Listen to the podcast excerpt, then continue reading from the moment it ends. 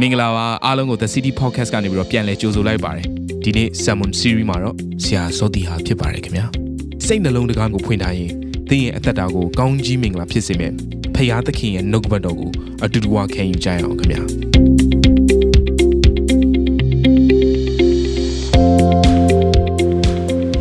အားလုံးမင်္ဂလာပါယေရှုခရစ်တော်ရဲ့နာမအဖြစ်အားလုံးကိုနှုတ်ဆက်ပါတယ်ကျွန်တော်တို့ဒီတရားဟောချက် series အာ wholeness ပေါ့နော်ကိုယ်ခန္ဓာစိတ်ဝိညာဉ်အလုံးစုံကျမ်းမာခြင်းလွတ်မြောက်ခြင်းဆိုတဲ့ဒီကောင်းစဉ်နဲ့ဝင်ငှနေတာဒီနေ့ဆိုရင်အပိုင်း9ဖြစ်ပါတယ်ဆိုတော့မနေ့ပြန်ကြရင်တော့ကျွန်တော်အပိုင်း10နဲ့နောက်ဆုံးကျွန်တော်ဝင်ငှမှာဖြစ်ပါတယ်တကယ်တော့အပိုင်း10အထိပေါ့နော်ကျွန်တော်တို့သွားဖို့သွားတဲ့အရာတွေဖြစ်တယ်တိုးတော်လည်းပဲအာဒီနေ့အပိုင်း9ကစပြီးတော့အပိုင်း10လောက်ထိကသူကတော်တော်ကိုလက်တွေ့ကြတဲ့အရာတွေဖြစ်တယ်မျက်နှာချင်းဆိုင်တွေ့ပြီးတော့မှသူက အာအမှုဆောင်ရတာပေါ့နော် ministry လုံးမှာပဲပို့ပြီးတော့ထိရောက်တဲ့အရာမျိုးတွေဖြစ်တယ်ဒါကြောင့်ကျွန်တော်တနိုင်သမျှအကျဉ်းချုံပြီးတော့နော်ဒီ online ကနေသင်လို့ရတဲ့ပုံစံလောက်ပဲကျွန်တော်ဝေမျှပြီးတော့ဒီအပိုင်းခွန်အပိုင်းရှစ်နှစ်ပိုင်းနေနဲ့အကျဉ်းချုံလိုက်မှာဖြစ်တယ်ဆိုတော့အာဘယ်လိုပုံစံလဲဆိုတော့ဥမာလင်မယားနှစ်ယောက်ရန်ဖြစ်တဲ့ကိစ္စကိုနော်အာ marriage counseling လုပ်တဲ့အခါကျတော့ဒါ online ကနေ counseling လုပ်လို့မရဘူးเนาะသူကနည်းနည်းတော့အဆင်ပြေတယ်ကိုယ့်ဘက်က သူက one way ပဲရှိတာဗောနော်တကယ်တမ်းကျတော့ counseling ဆိုတာကသူ two ways ကိုသူပြောတာနားထောင်ကိုကပြန်ပြောအဲ့လိုပုံစံလေးတွေရှိတယ်ဆိုတော့ဘယ်လိုပဲဖြစ်ဖြစ်ကျွန်တော်အကောင်းဆုံးဗောနော်ဒီနှုတ်ကပတ်တော်ကိုစူးစမ်းပြီးတော့ဝင်ငှမယ်တန်ရှင်းသောဝိညာဉ်တော်ဘုရားကအာမဆားတဲ့ခါမှာတော့နော်ဒီနှုတ် one way ဖြစ်တော်လဲပဲနှုတ်ကပတ်တော်ကိုတကယ်နှလုံးသားကိုဖွင့်ပြီးခံယူပြီးတော့ကိုယ့်ရဲ့အတ္တမှာလည်းပြောင်းလဲခြင်းစိတ်ရှိတယ်ဆိုရင်ဒီသင်ရဲ့အတ္တတကယ်ပဲစစ်မှန်စွာလွတ်မြောက်ခြင်းရမှာဖြစ်တယ်ကြံမာမှာဖြစ်ပါတယ်ဆိုတော့ဒီနေ့ရဲ့ခေါင်းစဉ်ကတော့စိတ်တန်ရာအနာ ညာအားကျမ်းမာစေသူ။ဆိုတော့အဓိကထားပြီးပြောမယ့်အရာကတော့ကျွန်တော်ရဲ့စိတ်အတွင်းဝိညာဉ်ထဲမှာနော်ပြောအတွင်းလူပေါ့နော်နောက်ထပ် inner ဒီ inner man ပေါ့အတွင်းထဲမှာရှိတဲ့ဒီအတွင်းနှလုံးသားတွေကနာကျင်မှုတွေနောက်တစ်ခုကမဖြေမဖြောင်းနိုင်တဲ့ဒီဒဏ်ရာအနာတွေကနေပြီးတော့ကြောက်ကင်းဖို့ရန်အဓိကနှုတ်ကပတ်တော်ဝင်ငါမှာဖြစ်တယ်ဆိုတော့ခေါင်းစဉ်လေးအတိုင်းပါပဲပျောက်ကင်းစေတော်သူကယေရှုခရစ်တော်ဖြစ်တယ်နော်တရားဟောစရာမဟုတ်ဘူးနောက်တစ်ခုကအသင်ကိုယ်တိုင်လည်းချိုးတော်ရတယ်စူးစမ်းပြီးလုပ်လို့မရဘူး ဆိုတော့ခုကျွန်တော်ခွင့်လွှတ်ခြင်းနဲ့ပတ်သက်ပြီးနှုတ်ကပတ်တော်ဟောခဲ့ဘူးတယ်ကဲသင်ခွင့်လွှတ်လိုက်တယ်နော်ခွင့်လွှတ်လိုက်တဲ့အခါမှာဘာဖြစ်သွားလဲဆိုတော့သူကလွတ်မြောက်သွားတယ် release ဆိုတဲ့အရာဖြစ်သွားတယ်ခြုံနှောင်ခြင်းတွေချီနှောင်ခြင်းတွေအဲ့တော့ကိုကအစိတ်တောက်ထားတဲ့လူတယောက်ကသူကနော်အစိတ်ကနေကင်းစင်သွားတဲ့သဘောမျိုးသူကရှိတယ်နော်လွတ်မြောက်သွားတဲ့သဘောရှိတယ်သို့တော်လည်းပဲသူကဘာကြံခဲ့လဲဆိုတော့ဆိုအဲ့ဒီကြုံတွေ့ခဲ့ရတဲ့အတွေ့အကြုံတွေရတဲ့တစ်စင်သူကဒဏ်ရာတွေဆိုတဲ့အနာတွေကတော့ကြံခဲ့တယ် သူကလွတ်တော့လွတ်မြောက်သွားတယ်ဒါပေမဲ့သူကကျမ်းမာခြင်းမရသေးဘူးပေါ့အဲ့ဒီသဘောအနာမပြောက်သေးဘူးပေါ့နော်ဆိုတော့ခွင့်တော့ခွင့်လွတ်လိုက်တဲ့အတိုင်းပဲသူကနာကျင်တဲ့ဒဏ်ရာတွေကြံခဲ့တဲ့သဘောရှိတယ်ဆိုတော့ပြည့်စုံတဲ့အာကျမ်းမာခြင်းဖြစ်တဲ့ wholeness နော်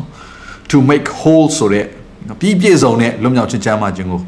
ပေးဖို့ရင်ယေရှုခရစ်တော်လက်ဝါးကားတဲ့ပုံမှာတည်ခံခဲ့တာဖြစ်ပါတယ်။ဒါကြောင့်သင်ကိုကျမ်းမာခြင်းအလုံးစုံပေးမဲ့သူကယေရှုခရစ်တော်ဖြစ်တယ်။ဒါကြောင့်သူ့ရဲ့နာမကလည်း Jehovah Rapha ဆိုတော့ကျွန်တော်ဒီဟာလေးကိုဒီနာမည်လေးကိုလည်းဒီ series ထဲမှာပဲကျွန်တော်ရှင်းပြခဲ့မှုတဲ့အရာရှိပါတယ်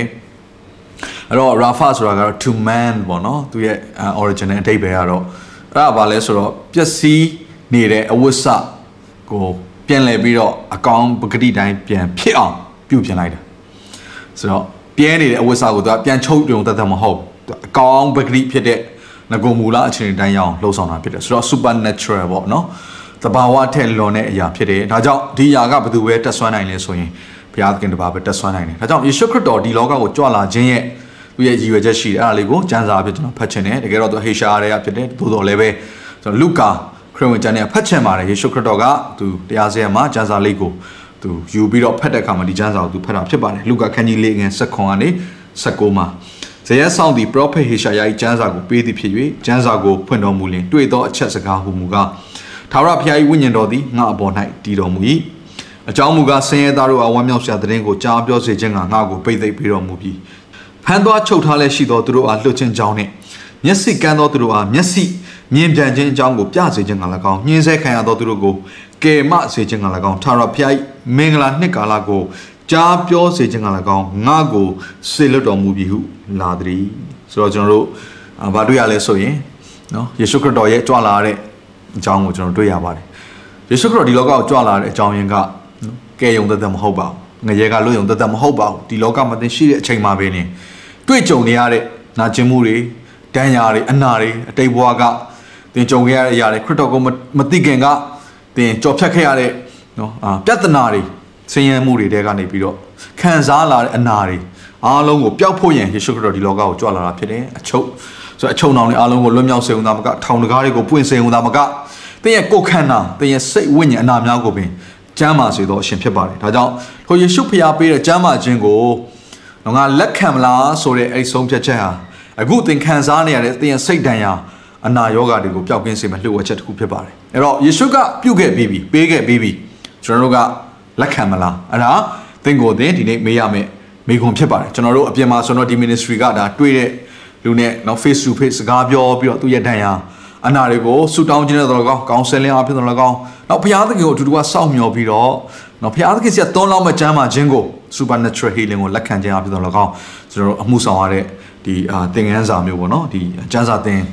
သင်တန်းဖြစ်ပါတယ်ဆိုတော့ဒါ counseling session လည်းပါတယ် healing session လည်းပါတယ်နောက်တစ်ခုက prophet ပြုခြင်းဆိုတဲ့အရာတွေလည်းပါတယ် word of knowledge ဆိုတဲ့ဒီနော်တန်ရှင်သောဝိညာဉ်တော်ဖျားဆုကျေးဇူးကိုအသုံးပြုပြီးတော့ဒါအခုကိုအမှုဆောင်တဲ့လူတယောက်ရဲ့အသက်တာထဲမှာသူကမပြောချင်ပေမဲ့လည်းဖျားဖွင့်ပြခြင်းအပြင်ကျွန်တော်တို့အမှုဆောင်တဲ့သူတွေကသူ့ကိုလမ်းကြောင်းပေးပြီးတော့ဘုရားကျွန်တော်တို့ကိုသိစေတာပေါ့နော်အဲ့ဒါတွေကိုဖော်ပြပြီးတော့သူကလည်းဖွင့်ဟလာတဲ့အခါမှာဆိုတော့ပြော healing process ကျမ်းမာခြင်းဆိုတဲ့အရာကိုကျွန်တော်တို့အဲသွားလို့ရတာပေါ့ဆိုတော့ဘယ်လိုပဲဖြစ်ဖြစ်အခုချိန်မှာလည်း online ကနေပြီးတော့ကျွန်တော်ဒီနှုတ်ကပတ်တော်ကိုနားထောင်ရင်းနဲ့ သင်ရဲ့စိတ်ဒဏ်ရာအနာတွေကိုတန်ရှင်သောဝိညာဉ်တော်ဘုရားက supernatural နီလန်းနေနဲ့တဘာဝထက်လွန်တဲ့နီလန်းနေနဲ့သင်ရှိတဲ့နေရာမှာပဲလင်ကျမ်းမာခြင်းကိုပေးမယ်ဆိုတဲ့အရာကိုယုံကြည်ပါเนาะကျွန်တော်ဒီနေရာကနေပြီးတော့ဒီအာတရားဟောချက်ပြီးသွားတဲ့ခါမှာလည်းအဆုံးသတ်မှာဆူတောင်းခြင်းနဲ့ကျွန်တော်တို့အဆုံးသတ်ဖို့ဖြစ်တယ်ကျွန်တော်တို့အာနတ်ဆိုးနဲ့ပတ်သက်တဲ့အရာတွေပေါ့နော်မနေ့ပြန်ကြရင်ကျွန်တော်ဒီနတ်ဆိုးမှောင်မိုက်တကိုးတွေနဲ့ပတ်သက်ပြီးတော့အဓိကဝေငှမှာဖြစ်တယ်ဆိုတော့အဲ့ဒါတွေကနေလွတ်မြောက်သွားတဲ့အချိန်ကြရင်လေသူကလွတ်တော့လွတ်မြောက်သွားတယ်နော်ပြောလို့ဆိုရင်ထောင်တကားတွေပွင့်သွားတယ်ပေါ့ဒါပေမဲ့သူက ဒဏ်ရာတွေကတော့ကြံခဲ့တယ်ပျောက်မသွားဘူးအဲ့တော့ကျွန်တော်တို့ဘာလုပ်လဲဆိုတော့ဒီနေ့အာစိတ်ဒဏ်ရာအတွင်းဝိညာဉ်နော်စိတ်ဒီအတွင်းလူရဲ့ကြမ်းမာခြင်းဆိုတာတိတ်ပြီးတော့အရေးကြီးပါတယ်ကျွန်တော်ပြီးခဲ့တဲ့အပိုင်းကလည်းနှုတ်ကပတ်တော်ဝေငှခဲ့တဲ့အရာလေးတစ်ခုရှိပါတယ်အဲ့ဒါကဘာလဲဆိုတော့အာဒီ renew your mind เนาะကျွန်တော်ရဲ့စိတ်နှလုံးအသစ်ကိုရဖို့ဆိုရဲနှုတ်ကပတ်တော်ကျွန်တော်ဟောခဲ့ပါတယ် ဆိုတော့ဒါ mind ပေါ့နော်အခုကကြတော့ heart ဖြစ်သွားပြီနော်အတွင်းနှလုံးသားဖြစ်သွားပြီဟိုကတော့စိတ်သဘောဖြစ်သွားပြီနော်အဲ့တော့ဒီစိတ်သဘောနဲ့ဒီအတွင်းလူပေါ့အတွင်းနှလုံးသားနဲ့ရှင်ပြိုင်တဲ့အရာလေးရှိတယ်ဆိုတော့ mind ကနော်စိတ်သဘောကဝန်ခံတဲ့အရာကိုတစ်ခါတည်းမှာပြန်ပြီးတော့တွန်းလှန်တဲ့သဘောတွေရှိတယ်ဆိုတော့ပုံမှန်အားဖြင့်တော့ဘယ်ကလာလဲဆိုတော့ तू ကအနတ်ဆိုးနတ်ဆိုးရဲ့ ချုံနှောင်မှုသူရဲ့ strong hold တွေဒီနေ့ကျွန်တော် strong hold အကြောင်းလည်းနည်းပြောခြင်းတယ်ဆိုတော့ strong hold ဆိုတဲ့ဒီအတွင်းထဲမှာရှိတဲ့တိဆောက်ထားတဲ့မြို့ရိုးမြို့ပြပေါ့သူကဒါနှစ်နဲ့ချီပြီးခံစားခဲ့ရတာမျိုးဒါမှမဟုတ်အင်မတန်ပြင်းထန်တဲ့အတွေ့အကြုံကိုသူကခံစားဥပမာစစ်ပွဲရဲ့ဒဏ်မျိုးပေါ့နော်ကိုယ့်ရဲ့မိဘတွေတည်ဆုံးသွားတဲ့အရာမျိုးတွေစသဖြင့်ပေါ့အာအရန်ဆိုးတဲ့အတွေ့အကြုံယူသူက အာ physically abuse လည်းဖြစ်နိုင်တယ်နောက် verbal abuse လည်းဖြစ်နိုင်တယ်နောက်တစ်ခုကဒီ sex နဲ့ပတ်သက်တဲ့အရာပေါ့နော်သူလိမ်ပိုင်းဆိုင်ရာစော်ကားခံရမှုဖြစ်နိုင်တယ်ကိုထိလျောက်ကျူးလွန်အမျိုးစုံပြင်းပြင်းထန်ထန်ကျူးလွန်ခဲ့တဲ့လူတွေကကြတော့သူကယုံကြည်သူဖြစ်လာတဲ့အခါမှာစောစောပြောတဲ့ renew mind ကျွန်တော်သင်တဲ့ဒီနှုတ်ကပတ်တော် renew mind ကိုသူကနားထောင်တယ်ဆိုပါစို့အဲ့ဒါကိုသူကလက်တွေ့လိုက်လုပ်တယ်ဒါပေမဲ့အတွင်းထဲမှာသူကဒဏ်ရာကြီးရှိနေတဲ့ခါကျတော့သူကဘယ်လိုပဲပြောမလဲဆိုတော့ လက်မခံဘူးဆိုတော့သူကညင်းဆန်မှာတွန်းကန်မှာเนาะဆိုတော့အဲ့ဒီဒဏ်ရာရှိတဲ့ဖြစ်တဲ့ကြောင့်မလို့အဲ့ strong hold ပေါ့နော်တော့ဆိုဒီမျိုးရိုးမျိုးပြတယ်တိဆောက်ထားတဲ့အတွက်ကြောင့်မလို့အဲ့ဒီຢာကပြန်ပြီးတော့เนาะမန်နက်ကနေရာယူပြီးတော့စာလန်ဒီနတ်ဆုံးမောင်မိုင်တကောကတွန်းလန်တဲ့သဘောတွေရှိတယ်အဲ့ဒီခါမှာဘာဖြစ်တယ်လဲဆိုရင်ရိုးလွယ်စဉ်းစားကြည့်ပါစိတ်နဲ့အတွင်းနှလုံးသားနဲ့ဘယ်သူမှမနိုင်ဘူးလဲဆိုအတွင်းနှလုံးသားပဲနိုင်တယ်အဲ့တော့ခရိယန်သက်တာကိုရှောင်လန်းရင်းနဲ့ဒီ born again experience ကိုရပေမဲ့လေ အတွင်းဝိညာဉ်အားကြီးခြင်းမရှိတဲ့ခါမှာစောစောပြောတဲ့တရားတစ်ချက်တွေကိုမနှောမိုးနိုင်တဲ့အတွက်ကြောင့်မလို့တရားတစ်ချက်တွေရဲ့ခံစားချက်တွေကိုဦးစားပေးကနေတခါပြန်ပြီးတော့ဝိညာဉ်ပိုင်းဆိုင်မှာချုံနှောင်ကြုံပြန်ပြီးတော့ခံရတယ်ဝိညာဉ်ရဲ့ကြီးထွားမှုရက်တက်တာမျိုးတွေကြုံရတယ်ကျွန်တော်ဒီတရားဟောချက်တွေကိုเนาะ series လိုက်စပြီးတော့ဝင်လာပထမဆုံးအပိုင်းမှာဒီຢာလေးကိုကျွန်တော်ပြောခဲ့ဇလန်နှစ်ခု wholeness เนาะသူကပြည့်ပြည့်စုံတဲ့ကျမ်းမာခြင်းကိုဘုရားရှင်ပေးချင်တာဖြစ်တယ်ကိုခန္ဓာအနာယောဂပြောက်ရုံသက်သက်မဟုတ်ဘူးစိတ်ပိုင်းဆိုင်ရာအနာယောဂတွေပျောက်ကင်းခြင်းကျမ်းမာခြင်းရှင်လန်းခြင်း the wholeness ဆိုတဲ့ပြည့်စုံခြင်းသူကပေးချင်တာဖြစ်တယ်ဆိုတော့ယေရှုခရစ်တော်ရဲ့မှုဆောင်လုပ်ငန်းတွေမှာအဲ့ဒါတွေအများကြီးတွေ့ရတယ်ယေရှုခရစ်တော်ကနော်ပေတူးနဲ့သူကဒီအဲရှင်ပြန်ထမြောက်ပြီးနောက်ပိုင်းမှာသူကပြန်ပြီးတော့တွေ့ဆုံတဲ့အခါမှာတကယ်တော့ကျွန်တော်တို့နော်ဒီလောကမှာရှိတဲ့အမှုတော်ဆောင်အောင်အတွေ့အကြုံတွေရဆိုရင်တော့ကျွန်တော်တို့ဘယ်လိုလုပ်မလဲဆိုရင်เนาะကျွန်တော်တို့ကျွန်တော်တို့ဒါယေရှုခရစ်တော်နေရာမှာဆိုရင်တော့ငါ့ကိုဖန်သွားတော့ကမင်းငါ့ကိုเนาะတခါလေစွန့်ပစ်သွားတာမင်းငါ့ကိုညှင်းဆန်တာเนาะမင်းတို့ကြောက်နေကြတာဆိုပြီးတော့အရင်ဆုံးသူကအားနည်းချက်ကိုထောက်ပြီးတော့အပြစ်တင်စရာအကြောင်းရှိတယ် ဒါပေမဲ့တစ်ဖက်မှာပေတရုကအဲ့လိုသူညှင်းဆန်လိုက်လို့သူကကြေကွဲနေတာဖြစ်တယ်နော်ကြည့်မယ်ဆိုရင်ဆိုတော့သူ့ရဲ့စိတ်ထဲမှာဒီလိုသူပြောမိလို့ညင်းမိလို့နော်သူ့ရဲ့သခင်ကိုတခါတည်းသူအားလုံးရဲ့အရှိမညင်းဆန်မိတဲ့အရာအတွက်ကြောက်ရွံ့ပြီးတော့ထွက်ပြေးတဲ့အရာအတွက်သူကိုယ်တိုင်ကသူကအရှက်ရနေတာ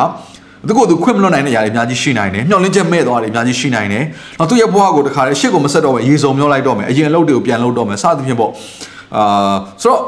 သူ့ရဲ့ဘဝမှာတိုးတက်ခြင်းဆိုတဲ့အရာတွေလည်းမတွေ့ရတော့ဘူး။ Okay ဆိုတော့ပုံကွယ်ဖို့ပုံရှိုးဖို့ဒီအရာကိုပဲစဉ်းစားနေတဲ့အချိန်မျိုးဘာဆက်လို့မှမသိတဲ့မျှော်လင့်ချက်မဲ့နေတဲ့အချိန်မျိုးမှာယေရှုခရစ်တော်သူ့ကိုဗာပြောလဲဆိုပြန်တွေ့ပြီးတဲ့အခါမှာငါ့ကိုမင်းတကယ်ချစ်ရလားဆိုတဲ့ဒီစကားလေးကိုသူက၃ချိန်တိုင်အောင်မေးတယ်နော်။ဆိုတော့အဲ့တော့တတိယပါပေတုက၃ချိန်တိုင်အောင်ယေရှုခရစ်တော်ကိုညှင်းခဲ့တာဖြစ်တယ်။ဆိုတော့ဒီလိုမျိုး၃ချိန်တိုင်မတူတဲ့စကားလုံးတွေနဲ့ပေါ့နော်သူရဲ့ Greek စကားလုံးလေးကြည့်လိုက်မယ်ဆိုတော့ဒီချစ်လားဆိုတဲ့စကားလုံးလေးကမတူတဲ့အသုံးနှုန်းလေးတွေနဲ့တွေ့ရတယ်။ဆိုတော့သူကအဆင့်ချင်းစီ ပေတုရဲ့အသက်တာထဲမှာသူက healing process ကိုသူကလုပ်လိုက်တာဖြစ်တယ်။ကျမ်းမာစေဖို့သူ့ကိုပြန်လဲပြီးတော့အရင်တိုင်းရဲရင်ချင်းနဲ့နော်စိတ်သူ့ကိုသူစိတ်ချခြင်းနဲ့မှန်တယ်အရင်တော့ညှင်းဆန်ခဲ့တယ်ဒါပေမဲ့လည်းမင်းငါ့ကိုတကယ်ချစ်တယ်ဆိုရင်မင်းဟာငါ့ရဲ့အမှုတွေမြတ်ကိုဥဆောင်ပြီးလှုပ်ဆောင်နိုင်တော်သူဖြစ်တယ်ငါရဲ့တိုးတွေကိုမင်းကြွေးမွေးပြုစုနိုင်တဲ့အခွင့်အာဏာနော်အဲအစားအသောက်ကိုမင်းပေးနိုင်တော်သူဖြစ်တယ်ဆိုတော့သူ့ရဲ့မင်းဟာတက်ဆွမ်းနိုင်တော်သူဖြစ်တယ်ဆိုတော့နော်ဘုရားသခင်သူ့ကိုမြင်တဲ့အမြင်သူ့ရဲ့ခေါ်ခြင်းကိုတခါရှင်းလင်းအောင်လို့ စကားအဖြစ်ပြောလိုက်တယ်သူကဒါကျွန်တော်တို့ကကျန်းစာတွေမှာမှတ်တမ်းနေတဲ့ခါမှာစကားလောက်ဝယ်မှတ်တမ်းနေပေမဲ့တကယ်တကယ်အပြင်မှာဆိုရင်မျက်နှာချင်းဆိုင်နှစ်ယောက်ကတခါတယောက်မျက်ဝန်းကိုတယောက်ကြည့်ပြီးတော့ ယေရှုခရစ်တော်ကတခါတည်းပေတုကိုစိုက်ကြည့်ပြီးတော့ဒီစကားလုံးတွေကိုပြောရဲဆိုမြင်အောင်ကြည့်ပါခံစားကြည့်ပါအဲ့ဒီလေထူထဲမှာတကယ် healing process ကျမ်းမာခြင်းကိုဖြစ်စေတဲ့လေထူကြီးဖြစ်နေမယ်။နောက်ယေရှုခရစ်တော်ရဲ့ဆေလိုတဲ့နှုတ်ကပတ်တော်ထဲမှာပေတုကလွတ်မြောက်ခြင်းရမယ်။နောက်သူဟာခံအချင်းဆိုရောက်ခံရမယ်။အဲနောက်သူ့ရဲ့သူ့ထဲမှာလည်းယုံကြည်ခြင်းတစ်ခါအသက်တစ်ပံပြန်လဲမွေးဖွားလာမယ်ဘုရားသခင်တို့ကငါဒီချိန်မှာတော့ဘယ်တော့မှနောက်မဆုတ်ဖဲနဲ့ငါအသက်ပင်သေးပါစေငါအသက်ရှင်မယ်ဆိုရင်ဒီလိုမျိုးရဲရင်ချင်းတွေ သေချာပေါက်ဖြစ်လာမယ်ရှင်းလင်းတဲ့စိတ်သဘောရှိလာမယ်ချစ်တတ်တဲ့စိတ်သဘောတွေအကုန်လုံးပြည့်နှက်လာမယ်လို့ကျွန်တော်ယုံကြည်တယ်ဒါကြောင့်ကျွန်တော်ရဲ့အသက်တာမှာတရားအနာတရားတွေရှိတဲ့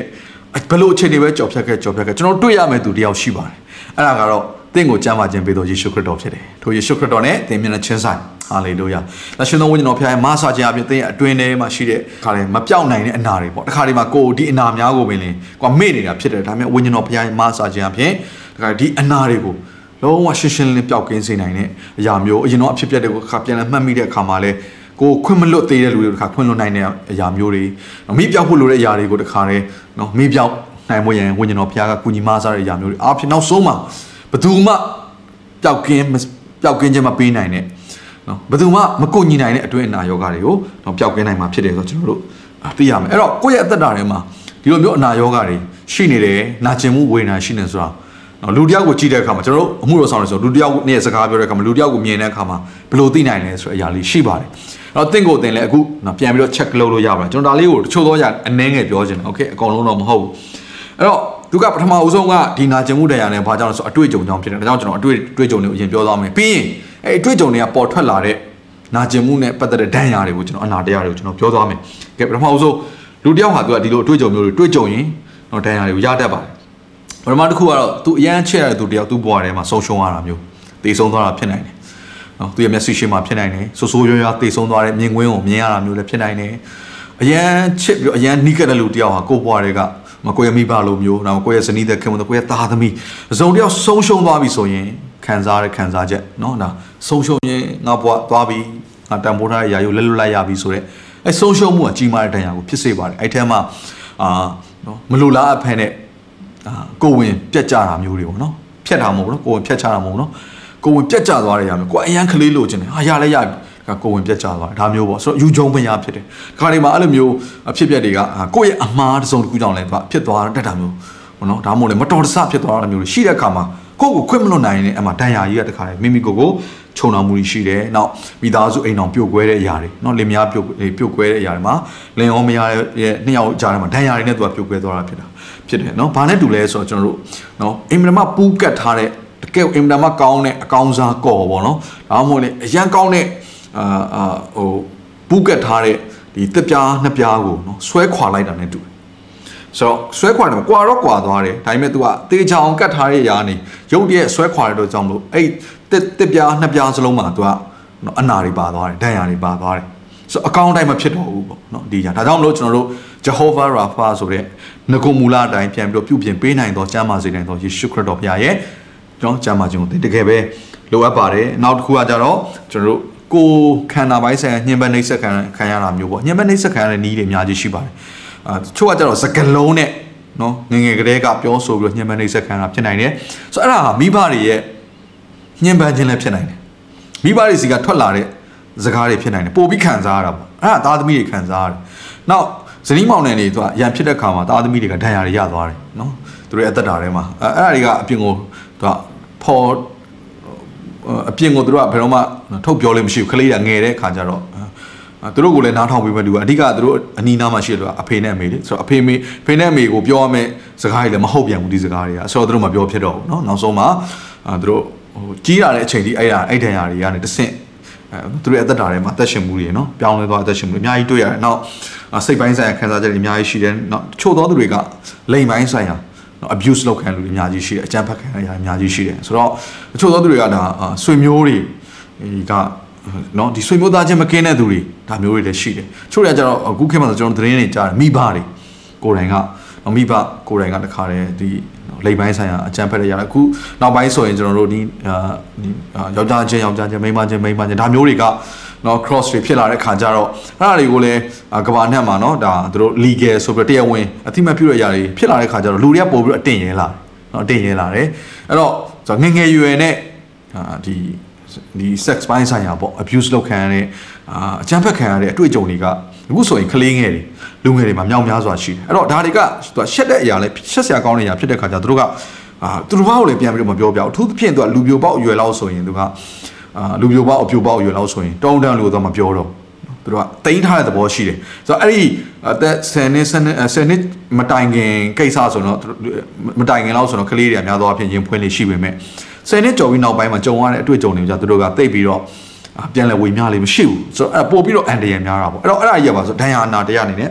တောက်လျှောက်ငငယ်ကလေးကသူကပါသွားတာဖြစ်တယ်နောက်တစ်ခုကဇုံတရားသောသူဟာသူ့ဘဝမှာဆုံးရှုံးတဲ့အရာတွေပေါ့သူစ조사တဲ့အရာတွေကမအောင်မြင်မဲ့ခဏခဏကြုံတွေ့လာရတယ်နဲ့သူမှဆက်ပြီးတော့ရှင်းတန်ခြင်းစိတ်မရှိတော့အရာမျိုးပေါ့မစီးပွားရေးခဏခဏပြက်ပြက်တာမျိုးဆိုပါဆိုကိုယ့်ရဲ့အိမ်ကခဏခဏမီးလောင်တာမျိုးပေါ့နော်ဒါအဲ့လိုလူမျိုးကျွန်တော်တွေ့ဘူးတယ်အချို့တွေကကြတော့ပညာရေးမှာခဏခဏဆုံးရှုံးတာမျိုးဆိုရင်ဟာငါဘာမှအသုံးမကျတော့ဘူးဆိုအဲ့လိုမျိုးသူက သူ့ကိုတခါစိတ်ပိုင်းဖြတ်ပြီးတော့အားထုတ်ကြိုးစားခြင်းမရှိတော့ဘူးအဲ့ဒါလည်းဒဏ်ရာဖြစ်တယ်ဆိုတော့ချို့တွေကကြတော့အခုကျွန်တော်မြန်မာနိုင်ငံမှာဆိုအရန်ကြုံရတဲ့ຢာကစစ်ပွဲရဲ့ဒဏ်ရာတန်ချက်တွေကိုကလေးငယ်တွေအရန်ကြုံရတယ်လူပြိုအပြိုတွေပေါ့နော်ဒါလူငယ်တွေကိုပြောတာပေါ့နော်ငငယ်ရွယ်မှာကြုံရတယ်နောက်အာသူလူမျိုးအလိုက်ကြုံရတဲ့အခါဖြစ်လာတဲ့အခါကျတော့ခွင့်မလွတ်နိုင်ခြင်းတွေများလာတယ်အဲ့တော့ကျွန်တော်ခွင့်လွတ်ခြင်းဆိုတဲ့ဒီနှုတ်ကပတ်တော်ဝင်ကားတဲ့အခါမှာနော်ခွင့်လွတ်မှလွတ်မြောက်မယ်ဆိုတော့နှုတ်ကပတ်တော်ဝင်ကားတဲ့အခါမှာချို့သောသူတွေရဲ့ response ပေါ့အဲချို့ဆို comment ထဲမှာတော့ရေးထားတယ်ရှိတယ်သူကပါဆိုဘယ်တော့မှခွင့်မလွတ်ဘူး အဲ့လိုမျိုးကိုသူကရေးတဲ့လူတွေရှိတယ်ဆိုတော့ကြည့်တဲ့အခါမှာတိုင်းရင်းသားတွေများတယ်ဆိုတော့ချို့သောတိုင်းရင်းသားတွေကနော်ဒီစစ်ပွဲဒဏ်ရဲ့အတွေ့အကြုံတွေနိုင်ငံရေးနဲ့ပတ်သက်တဲ့အရာတွေပေါ့တွေ့ကြုံရတဲ့အခါမျိုးမှာသူကလူမျိုးလိုက်ခွင့်မလွတ်တော့တာမျိုးနိုင်ငံရေးအရာခွင့်မလွတ်တော့တာမျိုးတွေရှိတယ်ပေါ့နော်စစ်ပွဲဆိုတာကဘယ်တော့မှညတာတာဆိုတာမျိုးကအာမရှိဘူးလေအရင်တော့ဆို social media လဲခင်မစားတယောက်တယောက်သတင်းချက်လက်တွေမသိတဲ့အခါကျတော့စစ်ပွဲမြေပြင်မှာစစ်မြေပြင်မှာဖြစ်တဲ့ပြဿနာတွေကိုတော့လူအများစုကမသိကြဘူးဆိုခံရတဲ့လူတွေကကြာအရန်ခံစားရတဲ့အခါကျတော့ တို့ကဘာပြောလဲဆိုတော့နော်ကရင်တွေကငါတို့အားတဲ့နော်ယေရှုခရစ်တော်ငါတို့ကယ်လို့တခါတယ်သေသွားတော့ကောင်းကင်ဘုံရောက်ရောက်သွားရင်တော့မှကောင်းကင်ဘုံမှာဗမာရင်းနဲ့တွေ့မယ်ဆိုရင်ငါကောင်းကင်ဘုံပြန်ဆင်းမယ်မနေဘူးတဲ့ဆိုတော့အဲ့ဒါဘာကိုပြောပြောနေတာလဲဆိုတော့လုံးဝကိုခွင့်မလွတ်နိုင်တယ်ဆိုတဲ့သဘောတရားကိုပြောနေတာဖြစ်ဆိုတော့ကိုငရဲသာသွားရင်သွားလိုက်မယ်ပေါ့နော်ငါတို့နော်ကောင်းကင်ဘုံမှာတော့ငါတို့ခွင့်မလွတ်နိုင်တဲ့လူတွေနဲ့ငါတို့ကိုဆင်းရဲဒုက္ခကိုဖြစ်စေတဲ့လူတွေငါတို့နှိပ်စက်တဲ့လူတွေငါတို့မနေဘူးဆိုတဲ့သဘောမျိုးတွေ ဆိုတော့ပြောကြကျွန်တော်မြန်မာနိုင်ငံမှာလူမျိုးရေးနဲ့ဆိုင်တဲ့မုံတီးမှုတွေအများကြီးဖြစ်တယ်ဒဏ်ရာတွေအများကြီးဖြစ်တယ်ဘာဘယ်ကနေပေါ်လာလဲစစ်ပွဲအတွေ့အကြုံတွေကနေဖြစ်တယ်နိုင်ငံရေးအတွေ့အကြုံတွေကနေဖြစ်တယ်ဆိုတော့ဒါတွေအပြင်ဒဏ်ရာတွေရှိနိုင်တယ်နောက်တစ်ခုကကျတော့ accident ဖြစ်တာမျိုးเนาะကျွန်တော်ကကား accident ဆိုင်ကယ် accident မျိုးမျိုးပေါ့အဲ့လိုမျိုး accident တွေတစ်စုံတစ်ခုအလုံငန်းခွင့် accident ကြုံတဲ့အခါမျိုးကြရင်သူက၆ချားပွဲရယူကြုံရတာဟို accident ဆိုတာကဘယ်မှကောင်းတာမှမရှိတာเนาะ ဆိုတော့သွေးထက်သွန်ယူမှုတွေကြုံရတဲ့အခါမျိုးတွေ၆ချားမှုတွေနောက်တစ်ခုကတဘာဝဘေးရန်တွေမျိုးတွေကြုံရတဲ့ငလျင်ဘေးရေဘေးလေဘေးမီးဘေးကျွန်တော်နိုင်ငံမှာဒီ Nagis နဲ့ပတ်သက်ပြီးတော့ကြုံရတဲ့အရာမျိုးဆိုတာဆိုရင်ဒါကအပြင်ပိုင်းဆိုင်ရာပျက်စီးဆုံးရှုံးမှုတွေရှိသလိုမိသားစုတွေခွဲခွာခြင်းဆိုတဲ့အရာတွေနောက်တစ်ခုကအဲ့ဒီဒီတဘာဝဘေးရန်တဲ့အတော်တင်းမှာဖြတ်တန်းတဲ့အဲ့အတွေ့အကြုံကြီးကတကယ်ငရဲကိုရောက်သလိုပေါ့နော်တကယ်ကြောက်မဲ့ဖွယ်ရာကြီးဖြစ်တယ်တုံလှုပ်စရာခြောက်ချားစရာဖြစ်တဲ့ခါကျတော့အဲ့ဒါကြီးကသူပုံရိပ်နေနဲ့ကြံခဲ့တာအထဲမှာဒဏ်ရာပုံစံမျိုးကြံခဲ့တာဖြစ်တယ် ခါနောက်ထပ်တစ်ခုကတော့เนาะကျွန်တော်တို့အာစောစောပြောတဲ့ accident တွေတဘာဝဘေးရန်တွေကနေပြီးတော့မတန်မဆွမ်းကိုကိုယ်တိုင်ကမတန်မဆွမ်းဖြစ်သွားရင်သွားရောအဲ့ဒါ နော်စိတ်တန်အနာတရားအများကြီးဖြစ်သွားအောင်ကျွန်တော်အဲ့ထဲမှာနော်တရားနာတရားဖြစ်ပေမဲ့ပြန်ပြီးတော့ယုံထားနိုင်တဲ့လူတချို့လည်းရှိတယ်သူတို့ဟာနော်ဒါအများတို့အားတက်စရာမျိုးပေါ့နော်ဒီဇန်လိုင်းနဲ့ကျွန်တော်ကြားရပါတယ်နောက်တစ်ခုကတော့အာကျွန်တော်တို့အခုလူငယ်တွေအလုပ်အများကြီးလုပ်ကြတယ်ကျွန်တော်ပြောမယ်အလုပ်ခဏခဏပြုတ်ရင်လည်းသူကစိတ်တန်ရသွားပါနော်ခဏခဏဘာကြောင့်ကိုလုတ်တဲ့အရာကခဏခဏဆုံးရှုံးနေရကြုံတွေ့ရတာပေါ့နော်အဲ့လိုမျိုးတွေနောက်တစ်ခုက နော်ခလေးတွေနော်ဆိုတော့ကျွန်တော်ပြောခဲ့ရခလေးမရရင်တရားတရားနာတရားရတဲ့စိတ်တန်ရတဲ့ဆိုတာမျိုးရှိနိုင်တယ်လို့ပြောတယ်အခုကျွန်တော်ပြောပြမယ်ခလေးတွေအရန်များရင်လေပင်ပန်းလို့ဆင်းရဲလို့စိတ်ဖိစီးလို့ဖိအားတွေအရန်များလို့ကလေးတွေအရန်များတဲ့မိသားစုအိမ်တော်ပြောဆိုတေချာ management ပေါ့နော်လုပ်ဖို့အဆင်မပြေတဲ့မိသားစုအိမ်တော်အကူအညီမရှိတာဖြစ်နိုင်တယ်ငွေကြေးမလုံလောက်တာဖြစ်နိုင်တယ်ဆိုတော့အဲ့လိုမိသားစုတွေကနေပေါက်ဖွားလာတဲ့လူတွေကလည်းစိတ်တန်ရာနာတရားတွေအများကြီးရတတ်တယ်ဒါကြောင့်မို့နော်သူကအလွန်မင်းဆင်းရဲခြင်းဟာလေ သူကကြောက်စရာကောင်းတဲ့ຢာတစ်ခုဖြစ်တယ်အဲ့လိုပဲအလွန်မင်းချမ်းသာခြင်းဟာလေကြောက်စရာကောင်းတဲ့စိန်ခေါ်မှုတစ်ခုဖြစ်တယ်ဒါကြောင့်ကျွန်တော်တို့ကတိုင်းနိုင်ငံတစ်ခုမှာနော်အရန်ကြွယ်ဝတဲ့လူတွေကအရန်ဆင်းရဲတဲ့လူဆိုဥစ္စာပစ္စည်းမျှဝေခြင်းဆိုတဲ့ဒီပေးကမ်းခြင်းဆိုတဲ့အရာကိုဘုရားသခင်နှုတ်ကပတ်ကျမ်းစာထဲမှာသူကမဖြစ်မနေကျင့်သုံးအောင်မရတခုပြပြောထားတာဖြစ်တယ်ဒါကြောင့်ကျွန်တော်ဓမ္မဟောင်းကျမ်းကိုဖတ်လိုက်မယ်ဆိုရင်ဣသရေလလူမျိုးတွေရဲ့ဒီစီးပွားရေးလုပ်ငန်းတွေမှာစင်ရဲသားတွေအတွက်ခြံခြံထားတဲ့အရာအများနဲ့ရှိစိုက်ပျိုးရေးလုပ်ရင်ကြည့်ရင်အကုန်မရရအောင်ခြံထားတာမျိုးဆိုတော့ နော်ဒါဖျားခင်နီးစနစ်တွေဖြစ်တယ်ဆိုတော့ကျွန်တော်တို့ကကြည့်လိုက်ရင်တော့ဒါပြည့်ညက်တီကြမ်းပဲဖျားပြောတဲ့နီးစနစ်ပဲဒါပေမဲ့ तू အဲ့ထဲမှာ तू ကရည်ရွယ်ချက်တွေအကုန်ပါပြီးသားအဲ့ဒါဘာလဲဆိုတော့စောစောကပြောတယ်ဒီလိုဒဏ်ရာအနာတရားနဲ့ကြီးပြင်းလာတဲ့ဆင်းရဲခြင်းကနေပေါက်ပွားလာတဲ့လူတွေအတွက်မျောလင်းစရာလူတွေဟာငါတို့ view site ပါလာဆိုတဲ့ healing process ပေါ့တရားတော်တယောက်ချစ်ကြွမ်းဝင်ခြင်းကနေတနာကျင်နာဂယုဏထားခြင်းကနေပြီးတော့လူတွေဟာမျောလင်းစရာနောက်တစ်ခုကစိတ်ပိုင်းဆိုင်ရာကြမ်းမာလာစရာအကြောင်းရှိဖို့ရန်ဘုရားသခင် ပြင်ဆင်တော်ရာဖြစ်တယ်။ဒါကြောင့်ဘုရားသခင်အကြံစီရာပြည့်စုံတယ်။ဘုရားရှင်ရဲ့ပြင်ဆင်တဲ့သတ်မှတ်ချက်တွေအားလုံးကကျွန်တော်တို့အတွက်အင်မတန်မှကောင်းနေရာတွေဖြစ်တယ်ဆိုတာကိုကျွန်တော်နားလည်ချင်ပါတယ်။အဲ့တော့ကဲအခုဒီလိုတွေ့ကြုံနေရနေပြီးတော့ဘလို့ဒဏ်ရာနာတရားတွေဖြစ်တယ်လေဆိုတာကိုယ့်ရဲ့အသက်တာတွေမှာဆန်းစင်ရမယ့်အရာတစ်ခုဖြစ်တယ်။အဲ့တော့ကျွန်တော်နော်ခဏနေနေကျွန်တော်ပုံလေးတစ်ပုံပြမှာဖြစ်ပါတယ်။အဲ့တော့အခုတော့ကျွန်တော်ဒါလေးနည်းနည်းဖတ်ချင်တယ်။အဲ့တော့အာနော်သူ့ရဲ့ဘဝအသက်တာထဲမှာရှုံးနေခြင်းဆိုတဲ့အရာကိုသူကဒီဒဏ်ရာကိုသူရသွားတယ်။ရှုံးနေတော့သူပေါ့။ so i am a loser ငါဘယ်တော့မှအောင်မြင်တော့သူကငါအမြဲတမ်းရှုံးရငါအမြဲတမ်းသူမားနဲ့ရှင်ငါသူတစ်ပါးနဲ့ရှင်ငါရှုံးအမြဲတမ်းရှုံးနေသူဖြစ်တယ်နောက်တစ်ခုကသူကမုံတီးခြင်းဒေါသထွက်ခြင်းမှာအာကြီးတော်သူဖြစ်လာတခုခုဆိုသူကလူတွေကိုမုံမို့ဒေါသထွက်ဖို့တော့အဲ့လိုပုံစံမျိုးဒါကြောင့်မို့ဒေါသထွက်လေရှိရလူအရာရာမှာသူတီးခံခြင်းပိုင်းမှာအာနေတော်သူရဲ့အသက်တာထဲမှာအဲ့ဒီဒဏ်ရာနာတရားလေးသူကရှိနေတယ် သူကိုယ်တိုင်ကသူကသိချင်မှသိတာနော်ချိုးရကြတော့အာငါငါစီမှာဘာမှမရှိဘူးလို့သူကငင်းဆန်တတ်ပေမဲ့တကယ်တော့သူကိုယ်တိုင်လည်းမသိခဲ့တာဖြစ်နိုင်တယ်အဲ့တော့အာနောက်တစ်ခုကတော့ကိုယ့်ကိုနော်တစုံတစ်ခုတော့ဒီအခုကြုံတွေ့နေရတဲ့ဒီသူကြော်ဖြတ်ခဲ့တဲ့ပြဿနာကြီးတွေငါအပြစ်မကင်းဘူးပေါ့ငါဒီလိုမလုပ်ခဲ့ဘူးဆိုရင်ဒါဖြစ်လာမှာမဟုတ်ဘူးငါဒီလမ်းကိုမသွားခဲ့ဘူးဆိုရင်အလုံးကအဖြစ်ဖြစ်ဖြစ်လိုက်မှာမဟုတ်ဘူးငါကိုကမှားတာဆိုတဲ့ကိုယ့်ကိုအပြစ်တင်ခြင်းနေကိုယ့်ကိုအပြစ်မကင်းဘူးလို့ခံယူချက်တွေဟာဒါကျမ်းမာတဲ့လက္ခဏာမဟုတ်ပါဘူးနောက်တစ်ခုကနော်လက်စားချေခြင်းတဲ့ຢာဒါကြောင့်ကိုက abuse လုပ်ခံခဲ့ရတာပေါ့နော်ကိုကအနိုင်ကျင့်ခံခဲ့အစော်ကားခံခဲ့ကိုကိုအပြောဆိုခံခဲ့ရတဲ့ခါကျတော့သူကအချိန်တိုင်းမှာလူတွေကိုအနိုင်ယူဖို့ပဲသူကချောင်းနေတဲ့သဘောရှိတယ်လက်စားချေဖို့သူကပြင်းတဲ့သဘောရှိတယ်ဆိုတော့အာနောက်တစ်ခုကဘာလဲဆိုတော့လစ်လျူရှုတဲ့သဘောရှိတယ်ဘာရအောင်မှငါကြည့်မှုဆိုင်ဘသူတေးသေးငတေးမှာပြီးရောဆိုစိတ်သဘောတွေဟာဒါမကြမ်းပါတဲ့နှလုံးသားရဲ့စိတ်သဘောတွေဖြစ်ပါတယ်နောက်တစ်ခုကတော့စိတ်ကြယောဂရှိတဲ့လူတွေရဲ့အသက်တာထဲမှာနာကျင်မှုနော်သူတို့ဖော်ပြလို့မရနိုင်နာကျင်မှုဝင်တာအများကြီးသူတို့ခံစားရတယ်နော် အဲ့တော့နောက်တစ်ခုကတော့အာနော်ကျွန်တော်စိတ်ပြက်လက်ပြက်နော်ဖြစ်တာပေါ့စိတ်ပြက်လက်ဆိုထပ်ပြီးတော့အားထုတ်ခြင်းစိတ်မရှိတော့တာမျိုးစိတ်ပြက်လက်ပြက်ဖြစ်တယ်ခဏခဏဆုံးရှုံးနေတာ။ကြောင့်သူထပ်ပြီးတော့နောက်တစ်ချိန် try I don't want to try anymore ဆိုတဲ့အရာမျိုးဖြစ်လာပါတယ်။နောက်တစ်ခုကတော့သူတို့ဘာကိုအပြစ်တင်တဲ့လူဖြစ်လာတယ်နော်။အဲ့တော့တခုဆိုရင်သူကသူတို့ဘာကိုပဲအပြစ်တင်လွှဲချမယ်ဒါပဲ။သူရဲ့အပြစ်ကိုဝန်ခံဖို့ဘယ်တော့မှမလုပ်။ဆိုတော့ဒါတွေက ဘာလို့ तू ကနာကျင်ခံစားခဲ့ဆိုအဲ့ဒဏ်ရာတွေကို तू ကသူများကိုမမြင်စေချင်တော့ तू ကဖုံးကွယ်ဖို့စူးစမ်းရင်းကနေပြီးတော့သူ့ရဲ့အသက်ရှင်မှု lifestyle ကအမြဲတမ်းဟန်ဆောင်တတ်တဲ့လူဖြစ်သွားတယ်အဲ့တော့အခုကျွန်တော်အခုအချက်ဆက်နဲ့ချက်ကိုဖတ်ပြခြင်းတယ်ဒါတွေကအဲ့ဒီလူတွေရဲ့အသက်တာတွေမှာထင်ထင်ရှားရှားနော်တွေ့ရတဲ့ပြင်ထိခိုက်မှုဘလို့ထိခိုက်နိုင်လဲပေါ့ဒီလိုမျိုးဒဏ်ရာအားဖြင့်သူ့သက်တာတွေမှာဘလို့ impact ဖြစ်နိုင်လဲဘလို့ influence ဖြစ်နိုင်ဘလို့ effect နော်ဖြစ်သွားလဲဆိုတဲ့အရာလေးကိုကျွန်တော်ပြောပြခြင်းတယ်ကဲအဲ့တော့နံပါတ်တစ်ချက်ကဘာလဲဆိုတော့အဲ့ဒီနာကျင်သွားတဲ့လူတယောက်အဲ့ဒဏ်ရာရှိတဲ့လူတယောက်ဟာသူ့မိသားစုတစ်ခုလုံးကိုသူက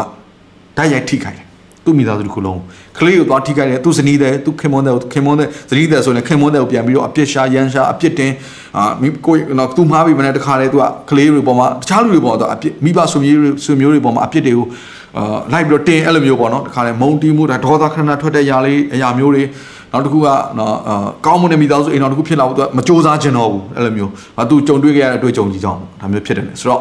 အဲ့ဒဏ်ရာတွေကနေပေါ်ထွက်လာရမှာဖြစ်တတ်ပါဆိုတော့မိသားစုတစ်ခုလုံးထိခိုက်နောက်တစ်ခုကမိမိကိုဘွားတစ်ခုလုံးကိုထိခိုက်တယ်ကိုယ့်ရဲ့အတွေးခေါ်အလောက်ကင်ကိုယ့်ရဲ့ဘဝတိုးတက်မှုအကုန်လုံးကိုယ့်ရဲ့လူမှုဆက်ဆံရေးကိုယ့်ရဲ့ဝိညာဉ်ရေးအကုန်လုံးကိုသွားပြီးထိခိုက်တယ်အဲ့တော့နံပါတ်3ချက်ကတော့နော်နာကျင်နေတဲ့လူတယောက်ဟာသူတို့ဘာကိုလည်းပြန်နာကျင်စေတတ်တယ်ဒါကိုသိဖို့လိုတယ်ကိုမှဒဏ်ရာရသွားပြီဆိုရင်ဒါသူတို့ဘာကိုလည်းဒဏ်ရာရအောင်ဘယ်လိုလုပ်မလဲဆိုတဲ့သဘောအလိုလိုရှိပြီးသားဖြစ်တယ်အဲ့တော့နောက်တစ်ခုကဘာလဲဆိုတော့သူကဖုံးကွယ်ပြီးတော့လိန်ညာတက်တဲ့လူတယောက်ဖြစ်လာတယ် တခုခုဆိုရင်သူကလိန်မို့ပဲစူးစမ်းတယ်ဖုံးကွယ်ကိုပဲစူးစမ်းတယ်အလေးအကျင့်တစ်ခုပေါ့နော်ဖြစ်သွားတယ်ဆိုတော့